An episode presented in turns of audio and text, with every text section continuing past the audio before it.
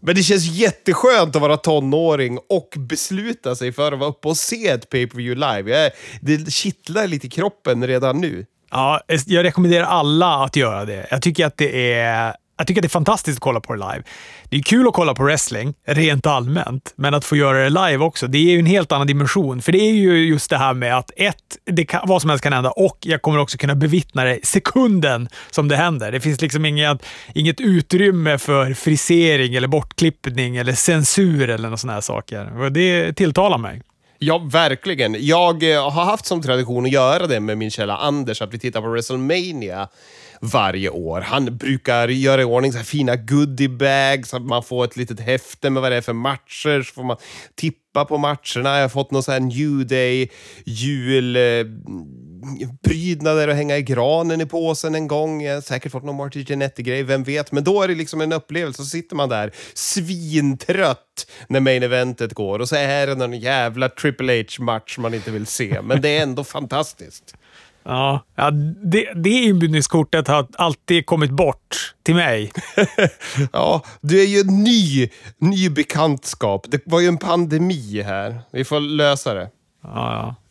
Jag hoppas till nästa WrestleMania att, jag, att det dimper ner i min brevlåda. Jag vill, jag vill gärna ha goodiebags. Kanske inte med något med Martinetti, men, men någonting med 2.0 skulle jag gärna ha i, oh. i min goodiebag, om inte annat. Vilken karriär de gör nu! Ja, vilken jävla superkarriär de gör. Vi ska komma till dem, men jag vill stanna kvar lite vid WrestleMania. För att det surras ju nu i korridorerna att även det här års, eller nu blir det i och för sig nästa års WrestleMania då, också kommer att vara två dagar.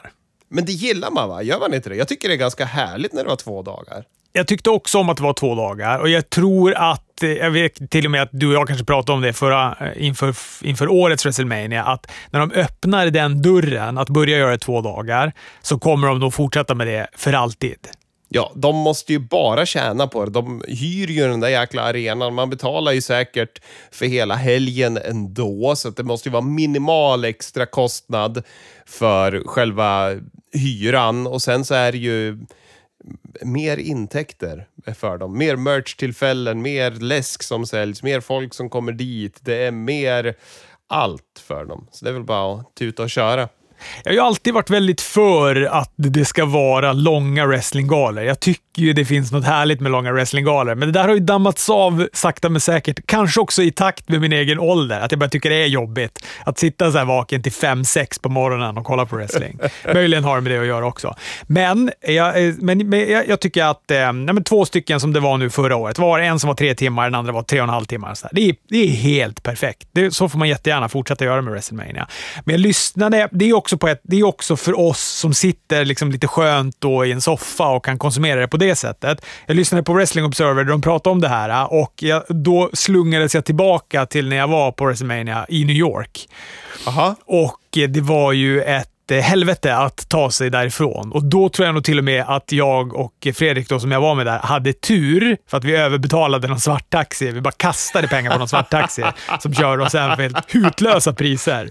Men äh, hade vi inte tagit den chansen så är frågan ifall jag fortfarande kanske hade stått kvar där utanför stadiumet och väntat på transport hem. För det var, ju, det, var, det var ju kaos efteråt. De hade ju satt in någon sån här public transit också som som drog för att WrestleMania drog över tiden. Så den här jävla bussen de hade bokat bara, nej men nu är det rött block. Nu går klockan över på rött block här, så då drar vi. Så de körde den tom då istället för att ta med någon folk. Nej, och det som de, då, det Brian Alvarez pratade om på Wrestling Observer, det var ju att här, jag vill inte, alltså såhär, okej, okay, att gå då en gång, köa, ta sig in och sen uppleva det helvetet att ta sig hem. Ja men absolut, en, en natt kan jag göra det, men att jag ska pyssla med det två nätter, det finns inte på kartan. Nej, men man får väl hoppas att de lär sig av den där biten också då, så att det kan bli bra även med public transport och allt möjligt. Men det låter ju... Ja, den biten är ju aldrig rolig på stora evenemang. Det är fan värdelöst i lilla Stockholm när man måste gå, eh, liksom vallfärda bort från Stockholms stadion som några jävla får. Nej, det är bedrövligt. Eh, det var något mer också som jag tänkte på som jag skulle vilja ta innan vi tar och börjar. Eh, jo, men jag tänkte på det här med att Dark och Dark Evolution ska börja bandas inne på Universal Studios. Alltså throwback till eh, WCW-dagarna. För visst var det på Universal de körde också? Jag vill minnas att det var det. Eller var det inne på Disney Studios de var kanske? Jag är osäker. Någon var på Disney Studios och sen tror jag väl kanske att Impact, TNA Impact flyttade en sväng till Universal Studios. Ja, just det. Ja, så kan det ju vara. Men det är ändå, jag gillar ju det där. Jag tyckte att det var kul när man kollade på VCV och de var i den här lite tajta arenan och så var det liksom bara en läktare och så eh, höll de på att brottas där. Det känns som att formatet för Dark och Dark Evolution passar att göra det i en studio. Verkligen, och det blir kostnadseffektivt och de får det lättare att funka logistiskt och hela den biten. Då är det bara bra. Alltså, hellre se folk som är glada för att de är på nöjespark än folk som är trötta för att de har suttit på en wrestlingshow i tio timmar i publiken. Ja, för det skulle det ha blivit. För eftersom de nu då har adderat Rampage också. Jag är osäker på hur inspelningsscheman har varit, men jag kan väl tänka mig att de kanske har kört Dark först, sen kört Dynamite och sen då kanske kört Dark Evolution. För att de tänker väl att där vi har störst bortfall blir väl sista och det känns som att prioriteringsordningen är väl i alla fall Dark Evolution längst ner och sen kommer Dark och så sen då högst upp eh, Dynamite? Ja, svårt att säga mellan Dark och Dark Evolution faktiskt. Jag har ju inte plöjt dem eh, speciellt rigoröst heller, men eh, det är kanske så. Men undra om, för när de var i Milwaukee förra veckan på Dynamite, det var ju den tröttaste publiken AEW har haft någonsin. Och frågan är om inte det kan ha varit med att det har varit lite för mycket wrestling innan showen ens är igång. Liksom. Ja, det var väl strax efter det det här kom ut. Det var kanske då Tony Khan bara, ett samtal till Universal Studios. Boka upp skiten. Vi måste lösa det här. Vi kan liksom inte tortera publiken med att spela in Dark, Dark Evolution, Dynamite och sen avsluta med ett Rampage på det också. Nej, Nej, fy fan. Man hade ju varit less själv. Det är klart man hade Som det. att be, be publiken begå harikiri på läktarna. Ja, fy fan. Sen så såg jag också att eh, Dark Side of the Ring har annonserat, jag vet inte om det är en ny säsong eller om det är en fortsättning på säsong tre. Det är skitsamma i alla fall. De har i alla fall släppt då vad de här olika avsnitten kommer att handla om. Eh, det var några där som jag tyckte, eller ganska många tyckte jag var spännande. Det var några som jag inte riktigt kände till. Jag blottar väl min, eh, mina gigantiska luckor i wrestling allmänkunskapen här. Då. Men Plane Ride from Hell, vilket jag trodde var Länge trodde jag att det handlade om den här Saudiarabien-flygresan. Eh, Nej, det här är ju, det är ju när de klipper av håret på Michael Hayes och vet du, Kurt Hennig och Brock Lesnar håller på att brottas vid nödutgången och grejer. Det är helt sjuk resa. Det var väl efter den som Mr Perfect fick sparken också? Jajamän, tyvärr. Alltså jättesynd. Hans öde hade kanske varit annorlunda om han var kvar i WWE. Ja, men jag, jag har också för mig att jag har hört någon mening eller två från Jim Ross om den här Plane Ride from Hell och att han är bara så här, är det något jag typ önskar att jag aldrig behövt uppleva i livet så är det Plane Ride from Hell. Japp, japp. ja, men det blir spännande. 2002 var det, det som eh, var, var det den skedde. Då.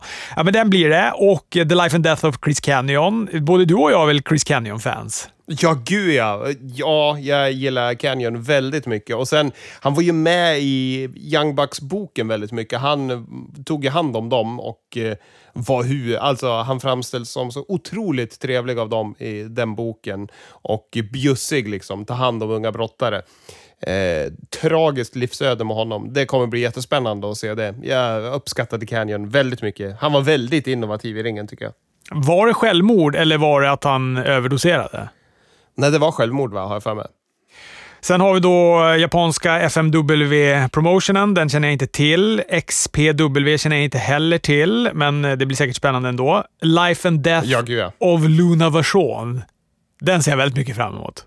Ja, jag med. Det är den enda jag såg att den skulle vara, för den postern såg jag nu idag innan vi började spela in. Men jättespännande. Luna Version, hon var en färgstark brottare minsann. Sen är det Bruiser, Bedlam, Johnny K9. Nej. jag blottar också min okunskap. Ingen aning. Alltså, ingen Nej. aning. Men det blir säkert spännande ändå. ja. Och så då avslutningsvis kanske det som man ser mest fram emot, 94 steroidrättegången mot eh, Vince McMahon. Ja, ah, spännande. De har ju varit jävla kanon de här Dark Side of the Ring. Och framförallt den sista säsongen. Jag håller ju på att kolla nu Ja. igen på säsong två. För det var som att jag... Jag vet inte om jag kanske missade någon där... eh, jo, jag missade Legion of Doom-avsnittet. Så den såg jag och så nu började jag kolla lite på det här Jimmy Snuka-avsnittet igen. För jag vet att jag tyckte det ändå var lite kittlande att titta på det. Eh, Så att, eh, men de har ju ett bra, bra CV, Vice, när det gäller de här Dark Side of the Ring. Så det här ser man ju verkligen fram emot. Ja, spännande. Har vi något premiärdatum på det eller? Jo, 16 september kommer de börja sändas. Åh, det är snart också. Kul! Någonting mindre kul är väl den här nya NXT-loggan. Har du sett den? Färgglad historia. Ja, varför? det känns som att, eh, jag vet inte, Turtles ska komma in och rappa i reklampauserna när man ser den där loggan. Det är så otroligt 90-tal på något vis.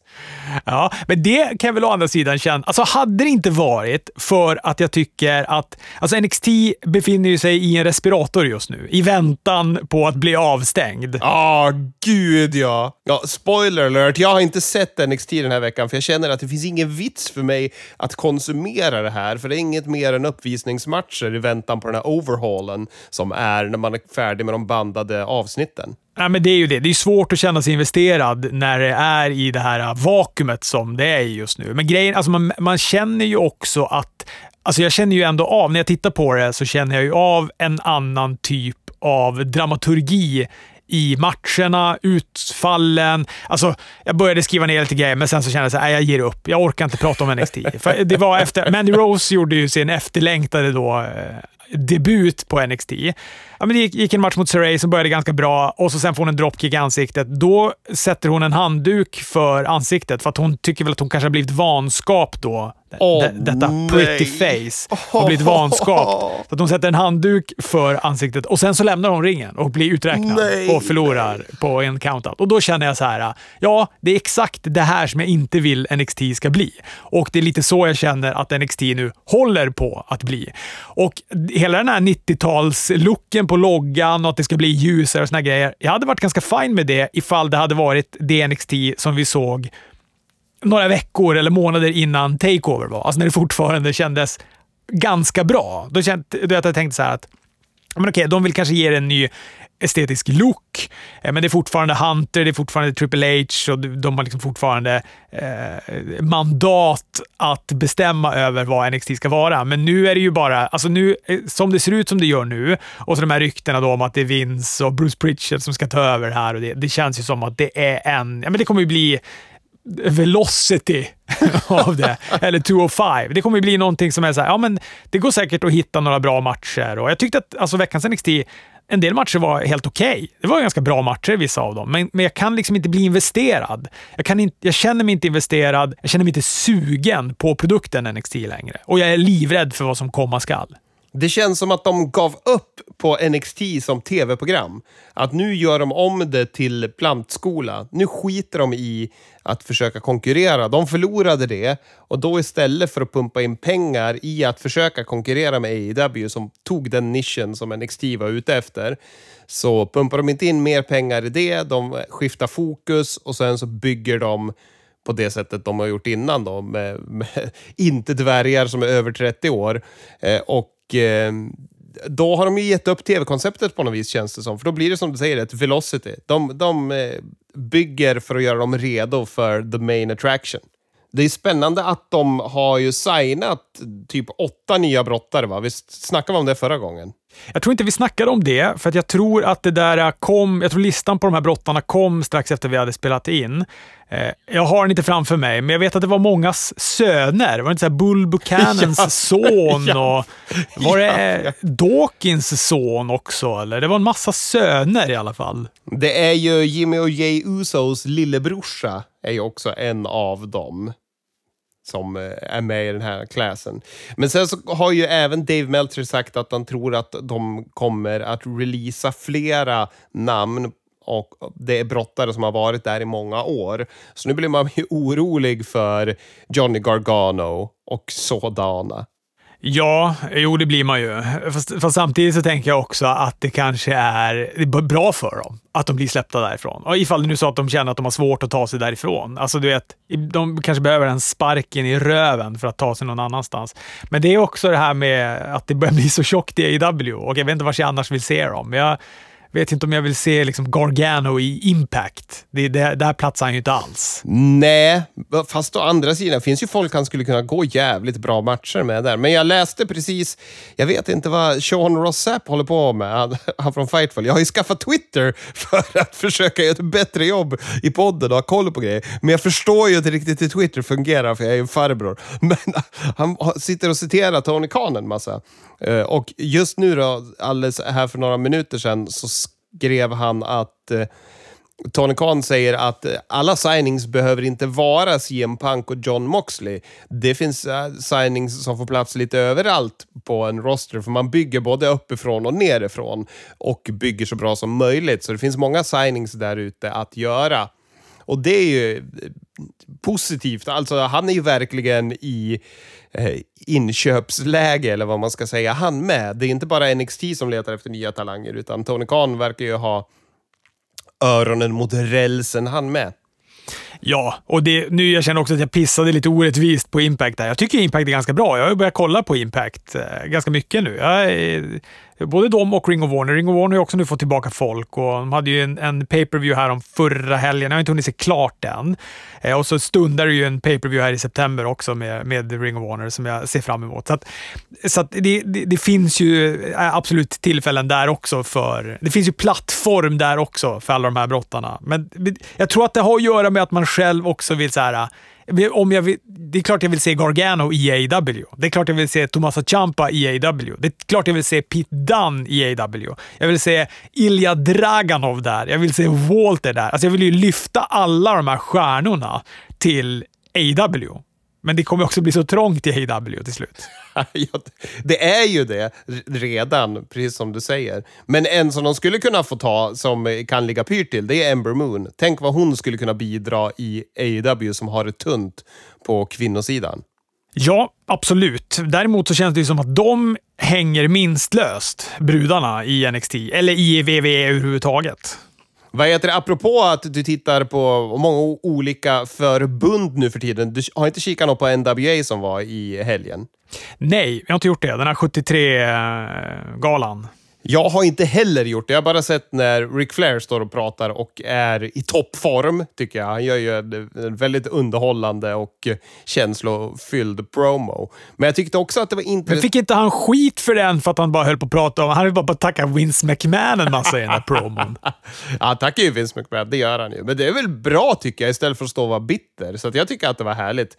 Men jag tycker att det är spännande här, för NWA hade ju med folk från AEW, men NWA slapp betala deras löner eller någonting, utan det var Tony Khan som stod för hela kalaset för dem.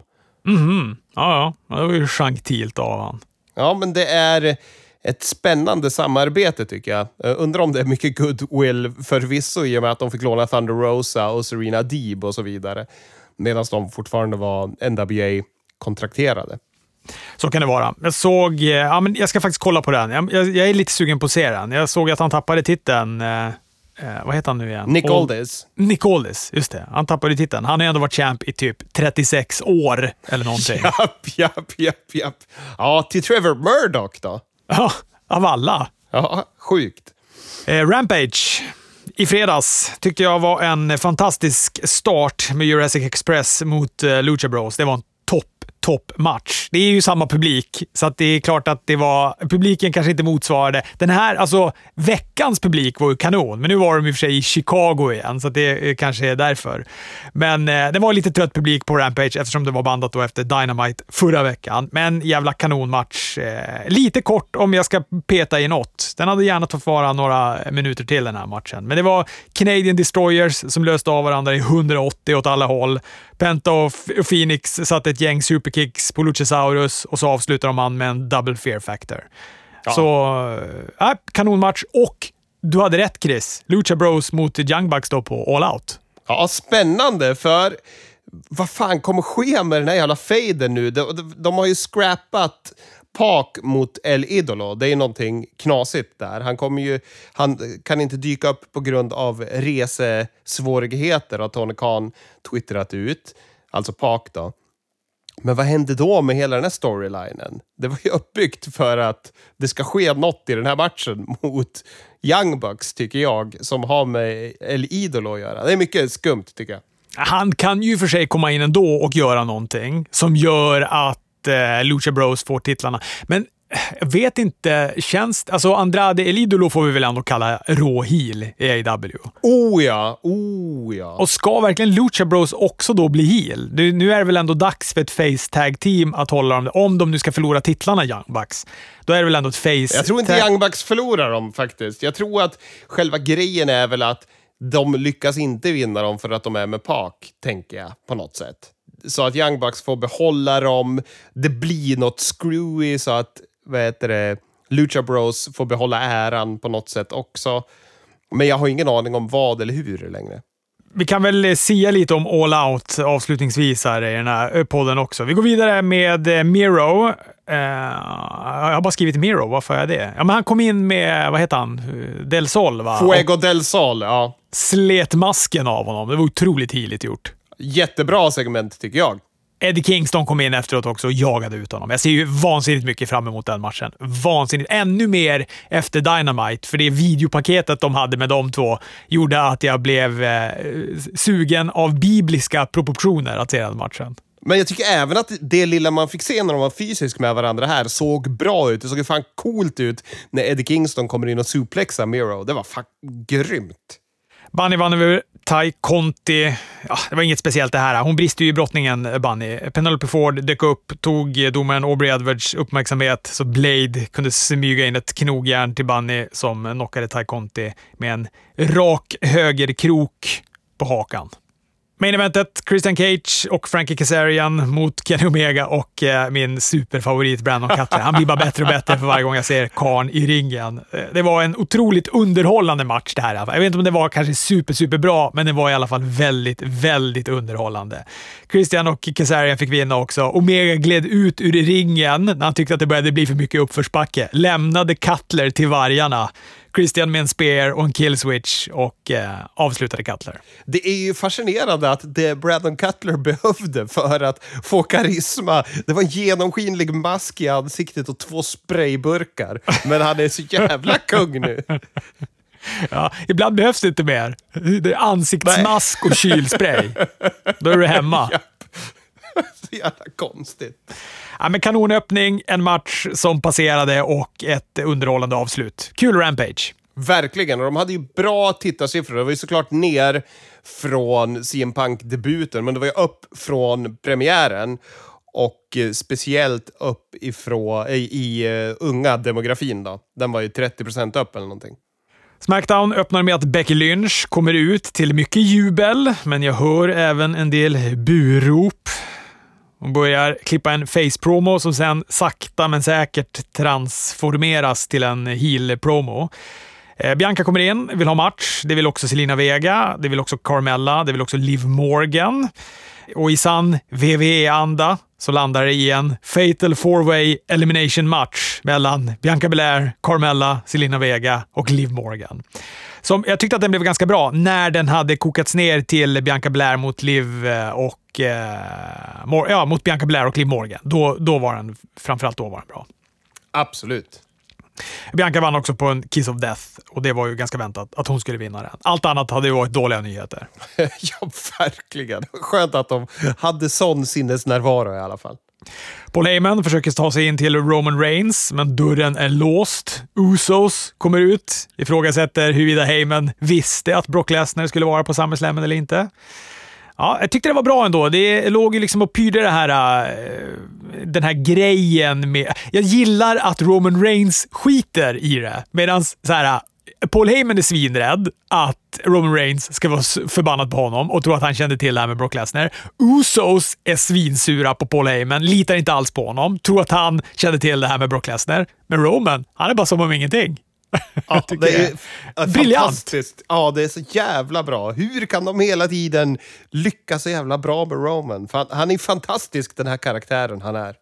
Cesaro vann över Chad Gable på en eh, diskvalificering. Det var ett eh, trist slut på en ganska bra match. Eh, Otis hoppade in och sabbade den där matchen för andra gången i rad. Jag vet inte hur många gånger han har gjort det. Sen får vi Happy Corbin. Han dyker upp i ny bil, han har stiliga kläder, han har hatt.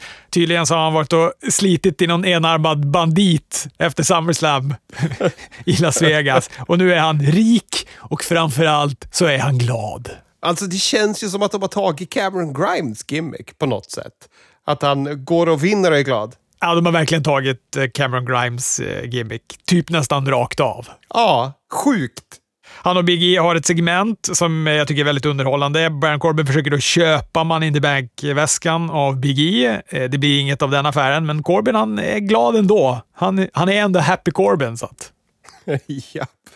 Ja, nej, men eh, bra segment. Och jag tittade på det här Breaking Ground. Kommer du ihåg det?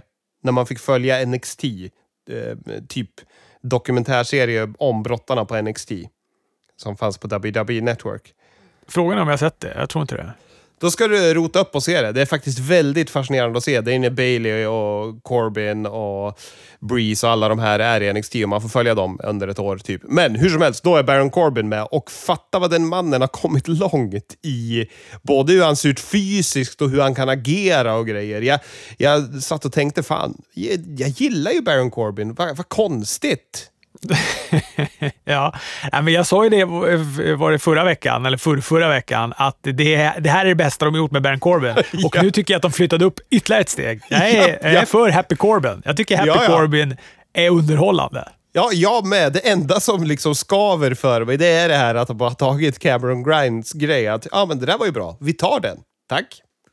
Vi får en video med Edge. Han är nöjd med SummerSlam. Nu siktar han på universaltiteln. Vi får också en video med Seth Rollins i en bizarr pälskrage. Han är också intresserad av den här universaltiteln. Och vill väl bli som Edge, säger han väl. Det är väl lite som är kärnan i det han säger.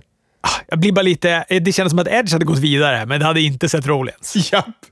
Japp. Nej, det är konstigt.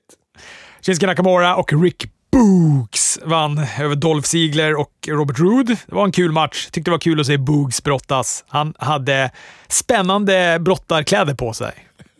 Japp, denim eh, singlet. Vad fan heter singlet? Brottardräkt av jeanstyg i alla fall. Det såg bisarrt ut. Ja, jeans möter brottartrikå. Japp. Han styrkebrottades, spelade luftgitarr på Ziegler och fick också vinna matchen med en pump handle slam på just Ziegler. Det var kul att de lät han vinna. Han måste ju vara en våt dröm för Vince McMahon. Han är ju allt som Vince vill ha, känns det som. Jo, men Vince kan också vakna upp en dag och bara “Vänta nu, varför håller han på att sjunga falsett och spela luftgitarr?” och så kapar han bort det från Boogs. Och så ska han heta något annat och typ inte ha någon personlighet kvar överhuvudtaget. Det är ju sånt man är rädd för. Ja, så är det, men det känns på något sätt som att när de insåg att Boogs flög, då stympade de Elias, för de ville inte ha två gitarrkillar. Nej, det är klart det är därför ja. Jag har inte tänkt på, men det är klart det är det ja. Det är därför inte Elias får vara en gitarrkille längre. För nu har de en annan gitarrkille. Som är populärare och bättre. Kul liv för Elias. Stackars Elias. Ja, och det blir ju exakt samma sak. För det, var ju, det enda som funkar på Elias är det de har stympat japp, Elias av nu. Japp, japp. Man har ju vit hatt nu, så att vi får väl se hur det går.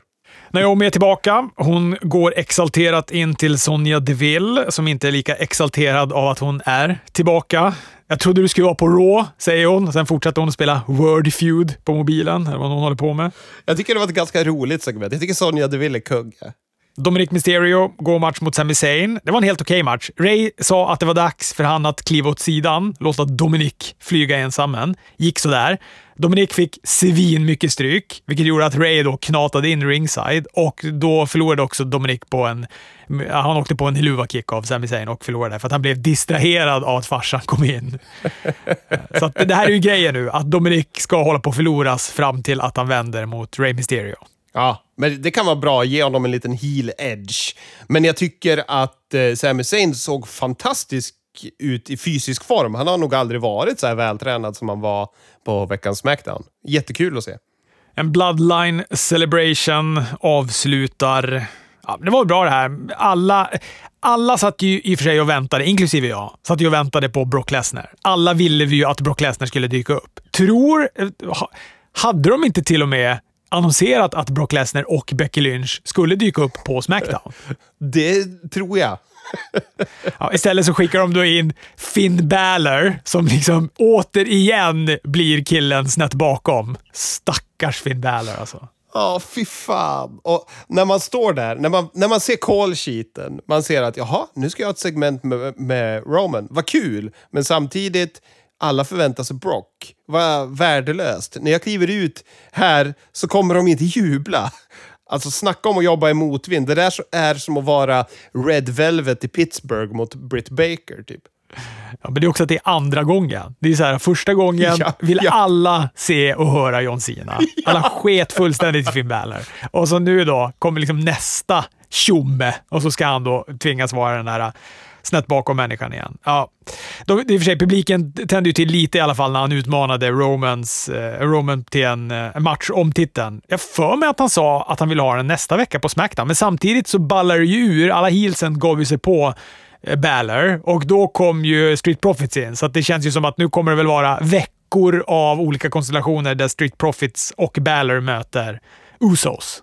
Ja. Och Roman Reigns. Men jag måste säga att jag är inte så säker på att publiken blev glad och ballad ur. För det var så många gånger man tittade på den här publiken och de fan satt på händerna. Men Vince måste varit där och petat på Thunderdome-knapparna för att de jublar och jävligt och så sitter de bara där, stirrar tomt ut i luften med sina vad heter det, face masks på och inte fan applåderar de inte.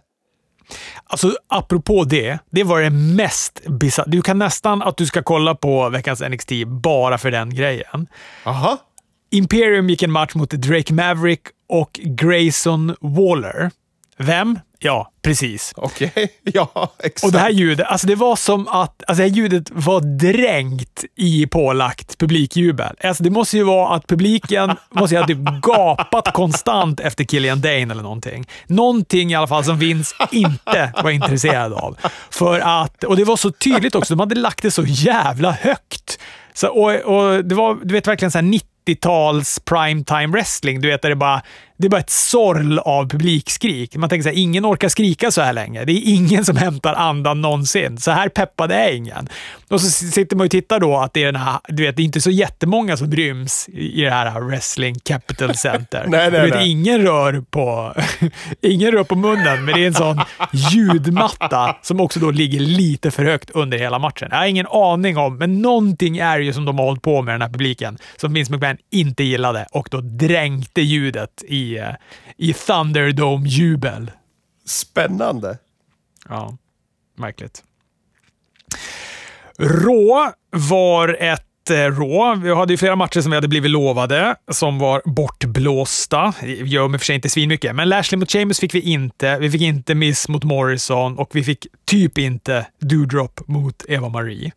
Nåväl, jag tycker att det började ganska bra. Först blev jag lite trött när Damon Priest initierade en Open Challenge, en US-titel Open Challenge, och Sheamus kommer in.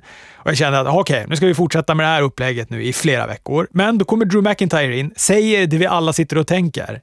Vi, liksom, vi har sett er två gå 500 matcher mot varandra. Vi orkar inte se mer matcher. Ja, äh, vad heter det? Den versionen som var på YouTube, den var ett bra Raw, vill jag säga. Hela det här Rawet var jag faktiskt nöjd med. Men jag håller med, jag, de tankarna du har här i början på Raw, de speglar exakt mina. Men sen kommer Bobby Lashley in. Han börjar snacka om att han vill ha fler bälten. WWE kanske planerar en egen belt collector, möjligen. Orton och Riddle kommer in, varav den sistnämnda tycker att det känns logistiskt omöjligt att ha två bälten. Uppenbarligen kollar inte Riddle på AW i alla fall. Så han och Orton då, de börjar tjafsa med Lashley och MVP och allt detta blir då till en triple threat-match mellan Drew, Priest och Sheamus om US-titeln och Orton och Riddle mot MVP och Lashley om tag team-titlarna. Men där sa ju kommentatorerna att all three, nej, three titles will be on the line. Surrar de i då. Det var jätterörigt. Jag fattar ingenting då. Tre titlar? Ja, men de menar tag team-titlarna som, som eh, individuella titlar då, eller? jag vet inte. Jag har varit så här, jaha, är det en sån här konstig match att om någon pinnar Bobby Lashley så får de världsmästarbältet? Jag vet ingenting, så att jag kände. Ja, stökigt. Sen kommer i alla fall Rhea Ripley in, samtidigt som alla snubbarna står där. Hon kliver in med sån jävla pondus och självförtroende, så hela jag fylls av känslan att eh, ja, men det här kommer nog bli ganska bra ändå. Men den känslan eh, var inte jättelänge, för hon går en match mot Shayna Baszler och jag tycker att, alltså så här, Shayna Baszler ser stenhård ut. Men brottningen matchar ju tyvärr inte den här tuffa attityden. Jag tycker att det är, hon faller ju ganska ofta platt under de här tio minuterna som den här matchen pågår. Ja, den eh, var inte superspännande, tycker jag inte. De är ju inte rätt för varandra heller på något vis. Det blir... Jag vet inte, jag tycker Men hur om... många gånger säger vi det om Rhea Ripley? Vem är hon rätt för? Ja. det är, varje gång känns det som att ja, nej, inte riktigt rätt motstånd för Rhea Ripley. Det, snart börjar ju det här bli Rhea Ripleys fel. Men är det för att de försöker boka henne face? Jag tänkte just liksom vända det till det. Är det hon ska ju få brottas heel. Hon ska ju brottas tufft med den pondusen hon kliver in i. Där de kliver förbi alla karlarna och kliver in. Om hon får ha den i ringen. För hon hade ju en bra match mot Nicky Ash. Och då var hon ju mer när hon hade pondus. Eller mot henne, det var väl den här triple threat-matchen. Men då visar hon ju att hon funkar bra. Men det är ju när hon ska vara vad heter ett face som måste hålla på och sälja och vara i underläge. Då blir det dåligt. Hon är nog inte så bra på såna här vad heter det, fiery comebacks och grejer.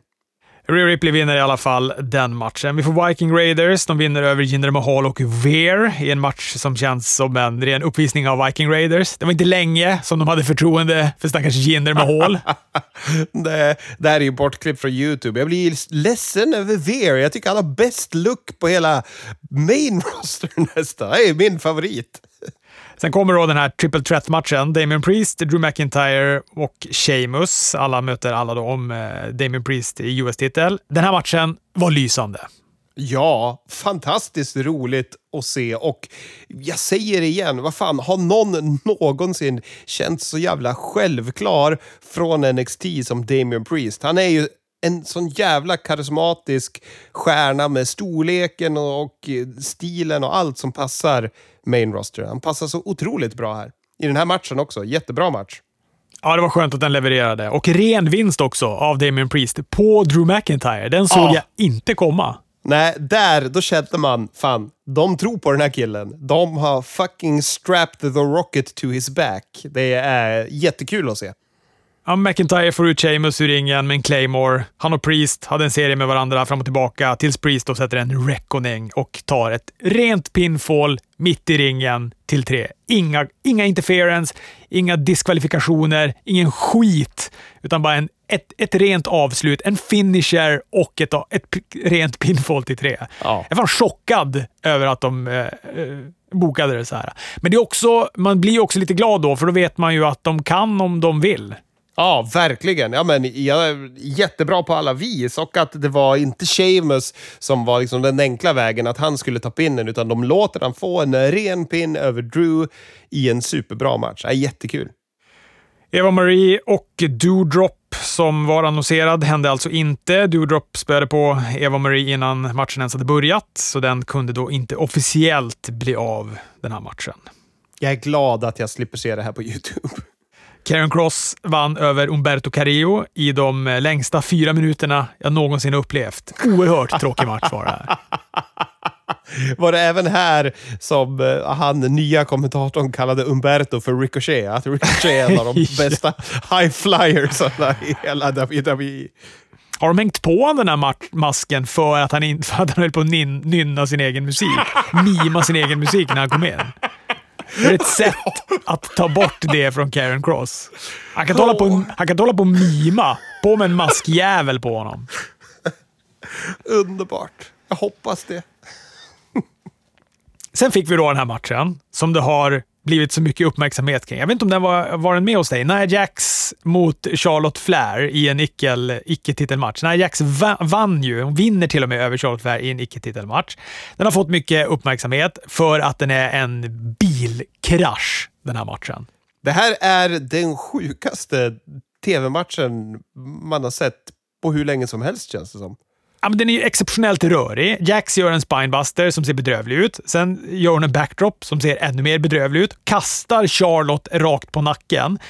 Jag tror att Flair tänder till på riktigt här, för att då börjar hon ju då örfila upp Nia Jax efter det här. Och efter det så är det bara en otajt och slarvig dans resten av den här matchen. Ja, och Nia Jax hon säger ju bara “Don't” och sen så slappar ju vad heter Charlotte till henne med några örfilar. Och då ser det ut som att Nia Jax förvandlas till en tam björn på något vis. För hon gör ju något så här, slår med sina björnramar i huvudet på Charlotte. Inte allt vad hon kan, men för att markera, gör någonting igen, då käkar jag upp dig. Och sen så blir det ju så här, de är osynk, Charlotte tar ju någon så här omvänd, vad heter det, rear, eller bulldog choke på henne och vad heter det, Nia bara, nej, jag tänker inte ställa mig upp. Och så blir det jättekonstigt. Allt bara är fel och domaren ser ut att inte veta vart han ska ta vägen. Väldigt märkligt är det. Ja, lång var den också. 12-13 minuter lång och faller ju så här. Och sen så plötsligt då så sätter Jax en choke-bomb på Charlotte Flair och eh, vinner. Otroligt besynnerlig match. Ja, och Dave Meltzer hävdar ju att det här var en worked shoot och jag tänker gå rakt emot Dave Meltzer och säga att det var inget worked i de där blickarna och den där irritationen. Man kan ju se hur en person rör sig. Man rufsar inte i håret på någon så där irriterat som Charlotte gör på Nia om man inte är helt jävla förbannad. En workshoot hade nog sett riktigt bra ut, men det här ser ju bedrövligt ut just för att det är shoot. För att de, blir ju, de börjar ju bråka på riktigt riktigt. Ja, gud ja. Och man blir ju orolig för Charlotte. Håller hon på att bara tappa besinningen helt? ja, ja. Kanske hennes sätt att skriva ur sig själv från VV också. Ja, vem vet? Ja, det blir inte mycket bättre efter det här heller. Omas går match mot John Morrison. Det här är också en enda röra. Den är i och för sig två minuter lång, vilket gör att det i alla fall går undan att titta på den här röran. Men eh, det är ju inte på grund av John Morrison, det här är ju på grund av Omas. Han är, han är otroligt rörig i den här matchen. Han är otajt, han missar spots, han står inte där han ska göra. Det är någon gång som Morrison ska här, ta sats från trappan och slå någon volt över honom. Och du vet, man ser ju på att Morrison bara så här, men du måste ta två steg närmare. Och så gör aldrig Omas det. Så bara, ja, jag måste göra det här spottet, så jag får bara gå och kasta mig rakt ut här nu då. Nej, det ser otroligt, otroligt rörigt ut. Nej, men det är synd, för att jag tycker att Omas har ju som bättre rörelsemönster. Han ser ut att ha mycket mer liksom grundfysik än vad big men brukar ha. Han är ju mycket mer rörlig än vad Paul White någonsin var, än vad Great Khali, Jaint Gonzales, än vad alla de här någonsin var. Men han är ju så otroligt grön och så envisas de med att trycka in honom i ringen. Det är det som är problemet. Ja, och sen är det ju inte... Omas eh, kommer ju inte få illa av det här. Det är ju John Morrison. Det är, det är som sagt, han är, det är ju 24-7 titelparkour med Reggie som väntar för honom. De har ju noll förtroende för John Morrison. Noll förtroende. Ja, ja, det är självklart att han får skit för den här Det var ju hans fel att Omas såg dålig ut. Det, det är det som är mentaliteten.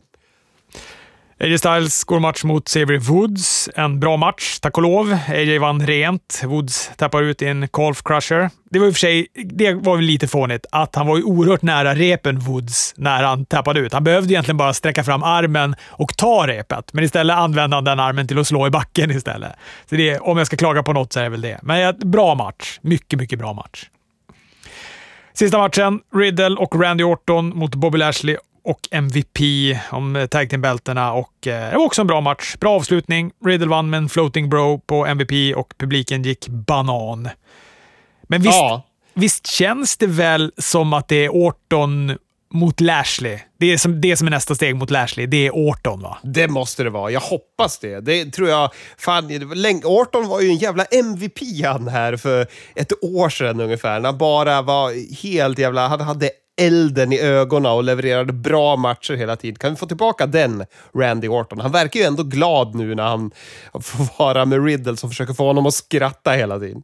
Ja, he's in a good place right now. Kapitalisera på det nu. Fan, åk, åk på glädjetåget när Orton sitter där och guppar. För när han inte är på det tåget, då är det inte kul att ha att göra med Randy Orton. Nej. Nej. Nej, verkligen inte. Ja, men de var ju luven på varandra, han och Bobby Lashley, ganska intensivt under matchen. Lashley hoppade också på Riddle efteråt och det var ju då Orton som eh, RKO-ade ut honom, eller RKOade honom till medvetslöshet efteråt. Så det känns ju verkligen som att det är det som är upplägget. Vi fick ju också bilder, det var ju tidigare, men vi fick ju bilder från efter SummerSlam när Goldberg haltar sig ut i bilen och säger att han måste operera knät, men att han inte glömt vad Lashley gjorde mot hans son och nu är jag inte intresserad av titeln längre. Nu är jag bara intresserad av Bobby Lashleys själ säger han. ja. Han är också stabil. Goldberg har uttalat sig om vad heter det, den här spotten efter matchen på SummerSlam när Bobby Lashley ger sig på hans son Gage. Och vad heter det, när Bobby Lashley och MVP är på väg ut så ler ju Gage då, för han är ju inne i ringen och har väl the time of his life. Så vad gör Father of the Year Goldberg? Jo, då stryper han sonen sin så han ska sluta le. ja. Ja, tuff kärlek. Ja, verkligen.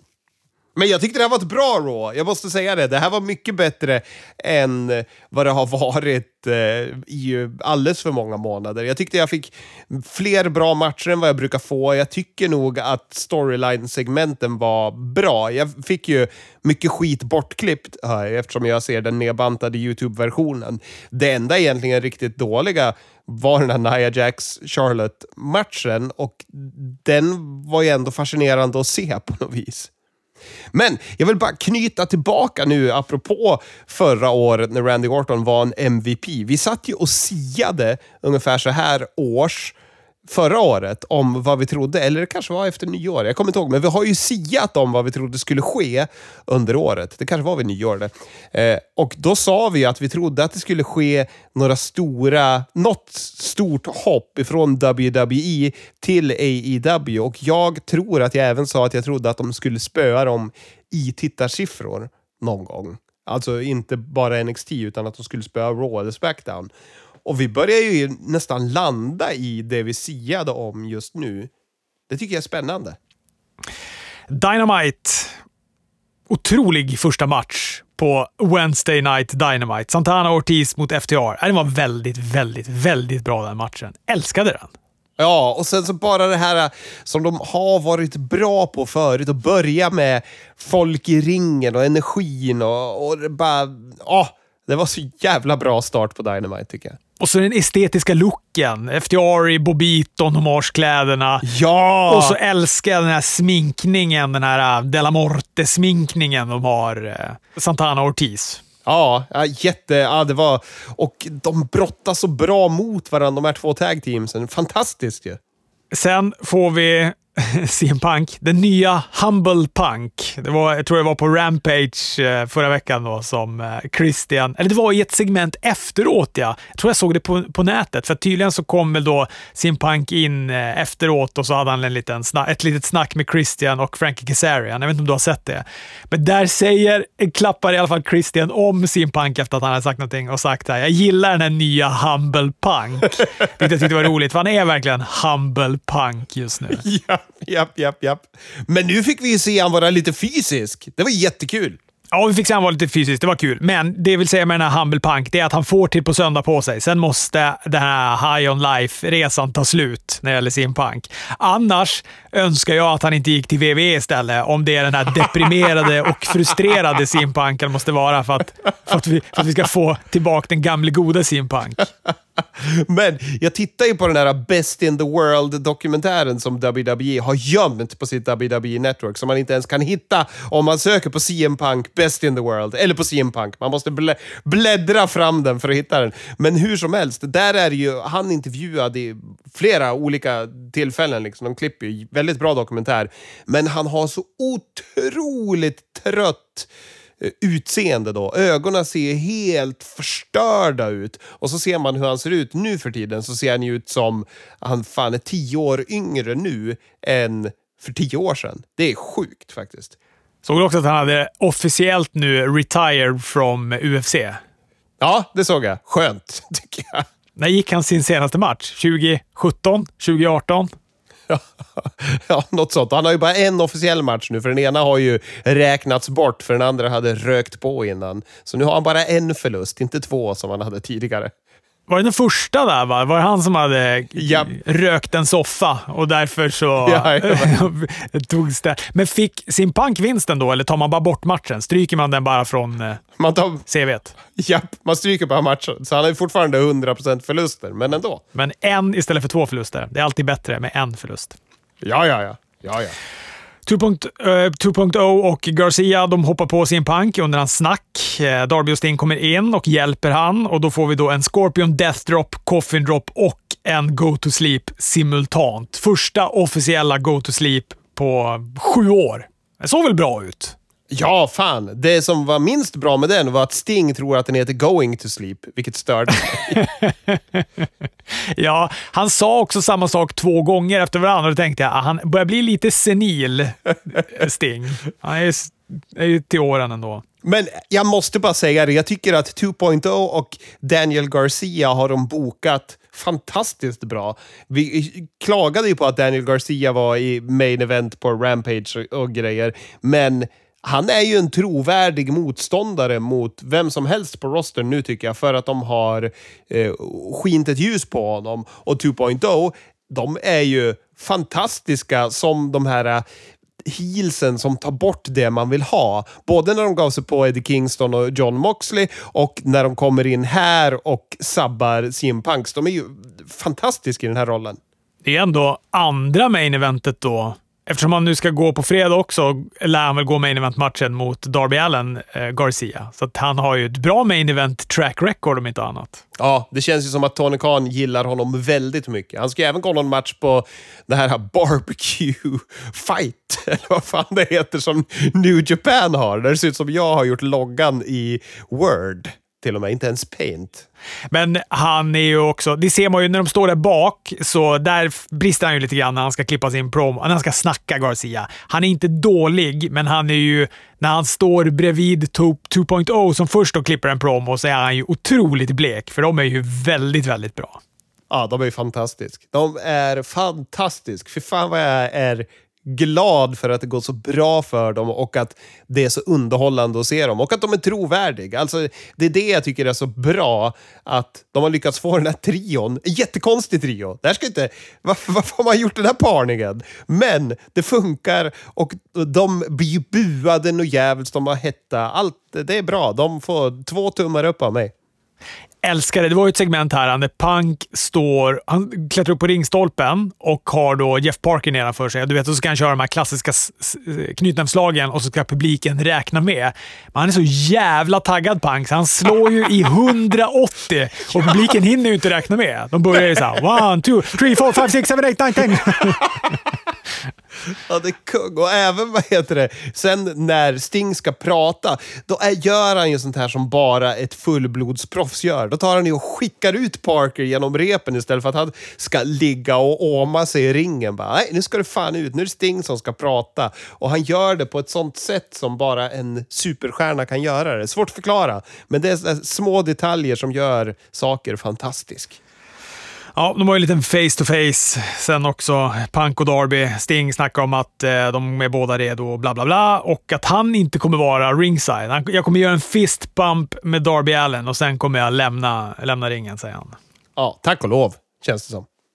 Orange Cassidy vann över Jack Evans under ett reklamavbrott, vilket eh, kändes eh, lite som en miss. Även om man kunde se det picture in picture. Men enligt eh, Wrestling Observer Radio, som jag lyssnade på innan vi började spela in här, så var det planerat. Det kändes planerat tyckte jag och det kändes som en sak som de vill göra. För de har ju pratat om det, att de borde gå till en finish. Inte, de har ju haft eh, i eh, Iron Man match va? Eller om det var en two out of three falls, då har de ju kört något pin i picture in picture också. Men att de borde ha en riktig finish där, bara för att varför ska det vara, annars känns det koreograferat. Vi behöver att det händer saker. Så att jag tycker att eh, strategiskt väl, eh, men Jack Evans, har han hängt med Bo Dallas i catering eller? Han var väldigt stor och hade t-shirt på sig hela matchen. Det känns som att det är någonting skevt med honom. Alltså, ja, jag vet inte. Någonting står inte rätt till med Jack Evans, tycker jag. Eh, ja, och sen kommer Hardy in och alla, hans, alla i hans stall. De hoppar på Cassidy efteråt. Jurassic Express får komma in till undsättning. Eh, sen var det då den här supersnygga videon mellan Miro och Eddie Kingston. Jag är, alltså, ja, jag sa ju det tidigare, jag är överdrivet sugen på den här matchen på All Out. Det kunde man inte tro om vi spolar tillbaka tre månader bara. Att du skulle vara sugen på en Miro-match. Nej. Undrar om hon kommer nu, Lana. Han snackar ju bara om henne hela tiden. Hon måste ju komma. ja, gör verkligen det. Jag tycker att det är så konstigt med Miros promos, för de är superseriösa samtidigt som de är jätteoseriösa. Det är underlig balansgång han går. Ja, det är otroligt roligt ifall Tony Khan inte har några planer på att signa henne heller. Du vet bara, du måste sluta ta upp henne i varje promo. Jag kommer inte signa henne. Men han bara, du vet, försöker kuppa in henne varje gång så att han till slut inte kan inte signa henne. Ja, härligt. Eh, Jericho och MJF eh, peggade för deras match i varsin intervju med Tony Schiavone och JR. Båda var toppen, alltså både MJF och eh, Jericho. Ja, jag tror MJF-promon, det kan vara en av de bästa i år tycker jag. Den var helt fantastisk. Ja, den var riktigt, riktigt bra. Riktigt, riktigt bra. Jag tyckte också Tony Schivani var bra i den. Det var roligt innan när de berättade, när Tony Schivani sa typ att jag har suttit ner och haft en intervju med, eh, med MGF, så säger typ Excalibur “Jag beklagar sorgen”. Powerhouse Hobbs vann över Brian Cage. Hårt jobb från eh, båda de här två. Jag tyckte publiken var lite ointresserade i början här, eh, men Hårt jobb lönar sig. De vaknar till efter att de insåg att fan, de här jobbar ju ändå järnet. Vi kanske ska, vi kanske ska titta på det här. Och, eh, jag tyckte de hämtade hem det. Publiken vaknade till. Eh, Hook hoppade upp på ringkanten, distraherade domaren så Ricky Starks kunde nita Cage då med den här sumpiga FTV-titeln. Och eh, Hobbs sätter en Oklahoma Stampede och tar ett pinfall till tre efter. Mycket bra match. Men Brian Cage, hade jag varit Tony Khan hade jag inte signat om honom när kontraktet går ut. Jag tycker han inte connectar alls med mig när jag tittar. Jag är så otroligt ointresserad av honom som karaktär. Det är någonting som inte klickar för mig där. Däremot tycker jag Will Hobbs är väldigt bra som karaktär. Kul att han hade Harlem Heat-kläder på sig också, tycker jag. Ja, men jag tycker lite synd om honom, för att det är ju så spännande med Brian Cage att han har den där kroppen och ser ut som en bult, men ändå kan han göra så här lucha bros moves. Men man måste ha karisma också. Det är ju det. Han saknar fan det. Jag tycker, tycker dock det var roligt. Han gör väl någonting att han vrider upp typ en, en eh, så här, eh, som på en leksak i ryggen på folk innan han gör en powerbomb. Han gör ju något sånt där. Han vrider åt en, en mutter eller någonting. Men jag tror Will Hobbs inte har fattat vad han gör, för han börjar ju skriva en saga på ryggen på Brian Cage när han ska härma det där. Så jätteroligt. Ja, ja det var kul. Sen vände Gun Club heel. Det var lite oväntat. Verkligen, och konstigt. De, för de vänder ju heel mot Paul White och Paul White står och surrar och så kommer... Nej, det är tvärtom va? Cutie Marshall står och surrar och så kommer Paul White in och ger sig på hela Nightmare nej, vad heter de? The Factory. Jag rör ju till hela skiten. Ja, men Q QT står och eh, snackar skit om Paul White. Han kommer in, tar ut alla och då gled Gun Club in för att hjälpa Big Show, eller Paul White, lite för sent. Jag vet att när, när de kom in tänkte jag såhär, fast han har ju redan löst det här Paul White. Varför glider ni in nu? Geeks! Men då, så, sen så då skickade jag då eh, Billy Gunn en stol i, på den nyopererade höften och en i huvudet också på Paul White sen. Och QT ser chockad men ändå nöjd ut. Ja, och lite dåligt skådespeleri av han tycker jag. Men vad heter det? Men jag, jag tycker att Gun Club fick lite karisma av det här. Ja, jag tycker det är en jättebra turn, men jag tycker att storylinen är konstig för de går ju bara förbi vad heter det, QT och gänget sen och försvinner ut. Som att de inte har något med det där att göra. Så vart är det här på väg någonstans? Det förstår jag inte. Men Austin Gunn är ju gjord för att vara heel. Så det här är ju, det kan ju bara bli bättre. De ska ju inte vara face, de där. Ty Conti vann över Penelope Ford, trots att Bunny la sig i. Ja, det var en mellanmatch det här. Efter så gjorde Anna Jay comeback till väldigt bra pops. De hade verkligen saknat Anna Jay, den här publiken. Verkligen. Kramade Ty Conti och blixtsnabbt så bokade Tony Khan in henne i söndagens Casino Battle Royale på All Out. Jajamän. Ja, kul att hon är tillbaka igen. Absolut. Eh, sen gick de igenom hela all out-kortet, men sa ingenting om sin punk mot Darby Allen. Nej, och det är konstigt. För, för, jag trodde inte på det, för du skrev det här till, till mig lite tidigare idag. Och bara, det var konstigt. Och jag bara, nej, nej, nej, nej, nej. Så är det. Det är klart de tog med det. Så var jag tvungen att spola och titta.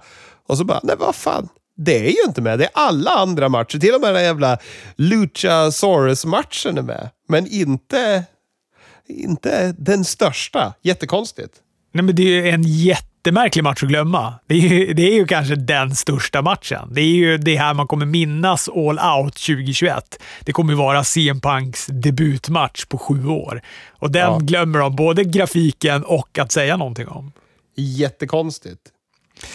Eh, Main Event-matchen var excellent. Det var Young Bucks och Good Brothers som mötte Lucha Bros och Jurassic Express. Kul att publiken fick en sån här bra eh, avslutningsmatch också. De var, den var så himla bra den här publiken. Jag älskade den. Så de, de förtjänade en pangmatch i slutet. Och eh, som vanligt när Luchas och Bucks möts så är det 200 spots. Alla känns relevanta. Det går i 180. Till och med slöfockarna i Good Brothers kändes ju relativt alerta i alla fall i den här matchen. Ja, det tycker jag. Jag måste, jag måste ge Luca en säga. Jag tycker om att hata honom, men han kan ju vara lite normal snabb ibland, han med. Phoenix fastnar i en Melter Driver, Bucks vinner matchen och eh, efteråt så kommer då Kenny Omega in i svart hår. Jag älskar att han har färgat det så här blåsvart, det där håret. Ja, han är härlig.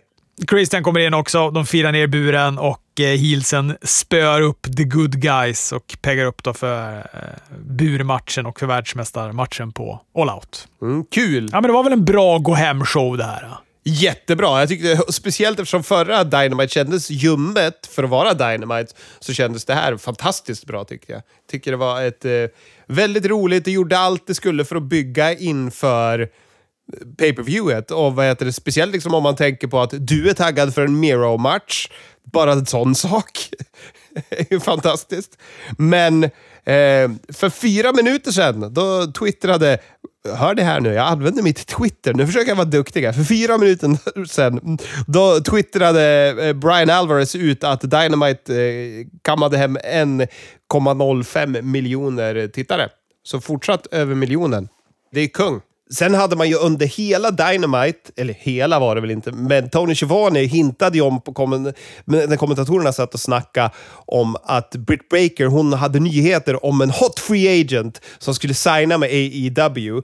Och eh, det började ju twittras, ja, jag har koll på Twitter nu, om att oh my god, Britt Baker har, har nyheter om en hot free agent. Alla börjar tro att det är Adam Cole.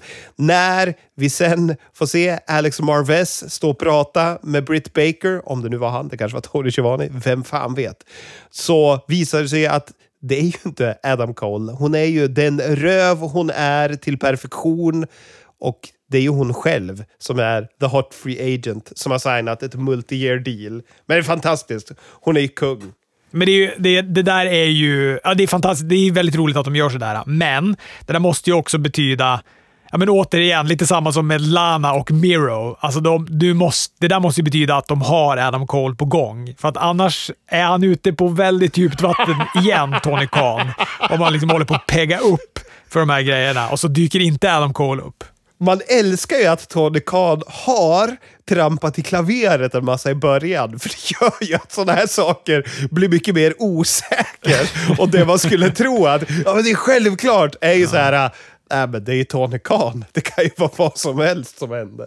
Det är kanske är en del av det här Excel-arket, det här långa, långa jobbet. Jag ska börja med att lova tungt, men hålla tunt ett tag. Så att sen när jag då väl när jag väl har de här tunga grejerna så kommer det ändå finnas frågetecken kring huruvida CM Punk, Adam Cole eller Daniel Bryan har signat med i W. Ja, man får inte vara dum. Ska vi gå igenom all-out-kortet? Vi kan väl säga lite om matcherna vi har där. Det är ju ganska så många. Du eh, skrev ju i, chatten och var så här, när är den här klar? Den är väl över på en två timmar. Men när jag ser det här kortet så tror jag tyvärr Chris att du kanske får räkna med bortåt en fyra, kanske fyra plus till och med. Det är ju väldigt mycket matcher som, som ska hyvlas av. Ja, det är ju det. Men vi får inte glömma CM Punk-matchen, vi då, som Tony Khan gjorde på Dynamite. Buy-in-matchen är ju Jurassic Express och eh, Best Friends mot HFO. Och den måste väl Face-gänget vinna? Ja, det borde de ju. Samtidigt så känner jag att Wheeler Utah kan ju ta en förlust. det känns... Jag tror inte att de ska hålla på för mycket med Jungle Boy, alltså. Att han ska hålla på att förlora matcher. Nej. Sen, sen vill man ju att en face ska vinna öppningsmatchen. Det kanske inte brukar vara så på pre-shows, det vet jag inte. Jag är så dålig på att se pre-shows. Men det brukar ju vara en lågoddsare att det är ett face som vinner Eh, i de första matcherna. Jag har ingen jättebra ordning på de här nu. Jag har bara skrivit om lite huller och buller. Jag tror ju inte att MJF mot Chris Jericho, the final fight, kommer att vara öppningsmatchen, men vi börjar med den i alla fall. Jag tycker ju att den här är svår. Du... Eh, jag, nej, först när han då satte sin karriär på spel så var jag såhär, okej, okay, han kommer inte förlora. Den här kommer Chris Jericho vinna. Men samtidigt så Ah, det är, brottas jäkla mycket med det här, för det känns också som, hur ska de lösa det för att Jericho ska vinna, men MJF ska behålla sitt renommé och hur ska de liksom skriva ut Chris Jericho om han ändå ska iväg på turné och sånt där? Eh, han kommer förlora, han kommer komma tillbaka som kommentator på Rampage. För det har han ju sagt, att om han förlorar då ska han ju vara kommentator. Och eh, jag såg även att Lance Storm hade twittrat. Hör ni? Jag använder ju Twitter som ett proffs. Att, vad heter det? Att har de svårt att fatta? Stipulationen är att han aldrig kommer brottas mer i AEW. Vad är det som är så svårt att förstå med det? Och så hänvisar han till fans som håller på och snackar om det. Så att bara att Lance Storm håller på så, då blir det också tydligt för mig att ja, men då kanske han har några andra matcher i framtiden han tänker att han kan gå, men i AEW är han färdig. Ah, jag tycker den är så svår den här. Men det känns också konstigt att han ska vara färdig med AEW. Han har ju ganska mycket kvar på sitt kontrakt. Han, vad ska han annars göra? Var ska han gå någonstans? Nej, men han kommer vara kommentator. De fimpar ju Jim Ross, går det rykten om. Jim Ross ska inte fortsätta vara kommentator, utan han kommer vara med och göra intervjuer och vara backstage och så vidare. Då tar man bort Jim Ross och sätter man dit Chris Jericho som har haft fantastisk kemi med Tony Schivani. Jävlar vad jag sticker ut hakan här. Det låter ju som att jag eh, har bestämt att det ska vara så här. Eh, det kan lika gärna vara MGF som förlorar. Det är en svår match, jag håller med. Men jag, jag, jag, jag tror att Jericho vill förlora den här matchen. Jag tror att han vill göra MGF. Jag tror att han vill ha det på sitt CV. Det var han som gjorde att MGF blev stor, för han vet att MGF kommer bli stor.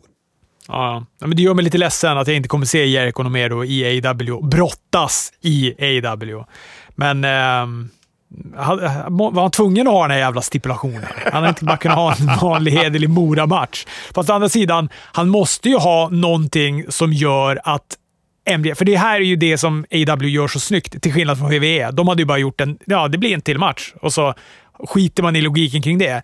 Jag menar, MJF har ju ändå vunnit, vad kom han ut med? En, en tröja där det stod 3-0 va? Eller 2-0. Ja, han har ändå vunnit två eller tre, ja, tre matcher. Han har ändå vunnit tre matcher över Chris Jericho. För han är ju egentligen helt ointressant att gå ytterligare en till match mot Chris Jericho. Ja, jag tycker det är jättebra. Det är snyggt byggt. Och det här äh, är ju spännande att de har ju redan gjort det här. Den här faden har ju hållit på. Den borde man vara less på. Men just det här att det kan vara så att Jericho förlorar gör ju att man är intresserad av matchen och de har ju byggt det så himla bra efter de här Labours of Jericho. Jag fattar inte hur de har lyckats göra det här intressant hela tiden. Det är fan imponerande av dem. Moxley mot eh, Kojima. Den får väl ändå Moxley vinna, va? Det tror jag, men vi måste ju även kommentera Kojimas twittrande, för det är ju också fantastiskt. Och han bara håller på Twitter att han gillar bröd, eller? Ja, han, det, han twittrade ut att det, hej, hej Amerika! Jag vet inte om ni vet vem jag är. Jag är en japansk brottare, jag är stark och på min fritid äter jag mycket bröd. och då svarar ju den nya mysiga Punk att vad heter det, gud vad jag önskar att jag hade tid att sitta och hänga med Kojima och käka bröd. Paul White, QT Marcel, den kommer ju Paul White vinna så det sjunger om det. Women's... Eller kommer Gun Club komma in och göra något? Vi ska inte vara för säkra här de kan ju inte bara lämna det hängande. Ja, men jag vill inte ha några fler matcher med Paul White. Jag vill inte ha det. Kan han inte bara göra den här och så sen så ska det gå minst ett år innan han gör någon mer match? Jo, jag hoppas ju nästan att han är för skadad för att gå matchen nu när han har blivit sänkt. Men det kommer ju inte vara så, för då kommer de ju få skit för att de har annonserat att han ska gå en match. Men, men, man kan ju drömma.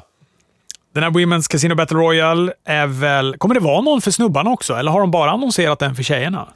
De är väl på olika galor tror jag. De har ju redan haft för männen i år. Ja, det är så det är ja. De, fly, de flyttar runt på den här. Ja, ja. Eh, Ja, jag vet inte. Är det Chris Statlander som vinner? Nej, hon ska ju gå matchen. Um, det är väl Ruby Soho som vinner den? Det är Ruby Soho som kommer in där och vinner den, ja. Ja, det har du nog rätt i. Jag är lite lur på att hon kommer. På senaste Being the Elite, då stod ju vad heter han? Eh, John Silver med eh, Rancid-tröja och då tänkte jag, är det här en hint om att Ruby Soho kommer? Eh, TNT-matchen, Miro mot Eddie Kingston. Nej, jag är lite lur på att Eddie Kingston kommer ta den där TNT-titeln. Fan vad de kommer explodera publiken om han gör det.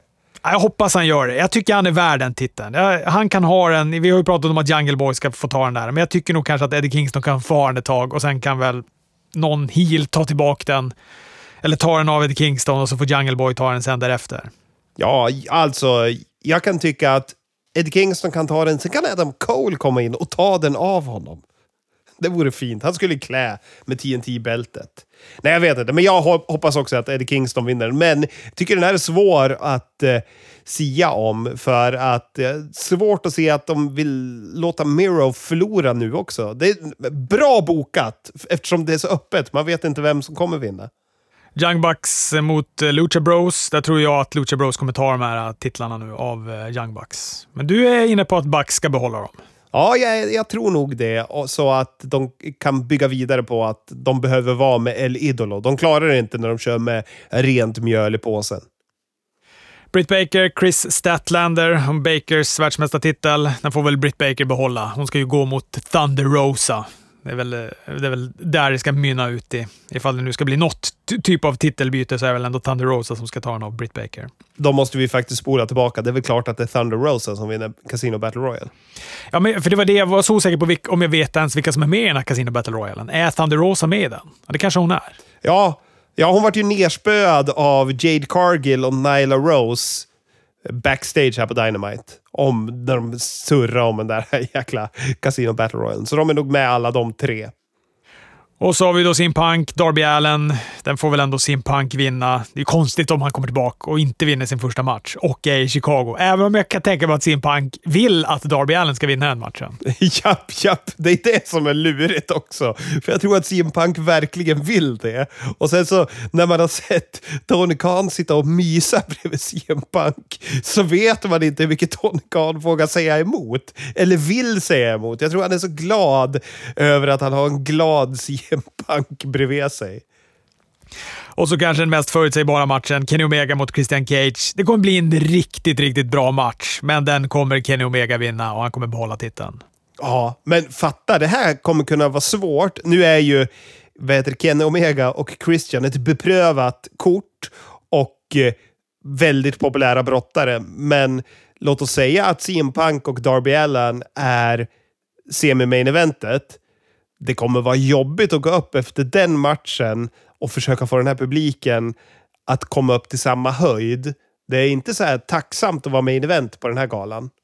Nej, men det är, om det är några som ska göra det så är det Kenny Omega och eh, Christian Cage. Jag tror ah, att de gud, kan ja. hantera det och de kan sakta men säkert vinna tillbaka. De har också självförtroende att de kan börja en match då som kanske är lite mer ljummen hos publiken och sen så kommer de sakta men säkert hårt arbete kommer löna sig, så de kommer liksom vända publiken till sin fördel. Det kommer ju bli en superbra match. Jag har inga, det inga, finns inga som helst frågetecken kring det. Och Jag vill också att de kör titelmatchen, världsmästartitelmatchen, borde vara den sista matchen. Darby Allen mot Simpunk borde inte vara det. Det tror jag inte det kommer att vara heller. Jag tror att de eh, alltid kör världsmästartiteln sist. Förutom när de hade en sån här osanktionerad som de hade någon gång och så, men då fungerade det ju rent storymässigt. Spännande med All Out, mycket frågetecken. Det gör det alltid lite mer intressant att titta på. Nästa vecka, då har vi facit. Hörni, vi hörs!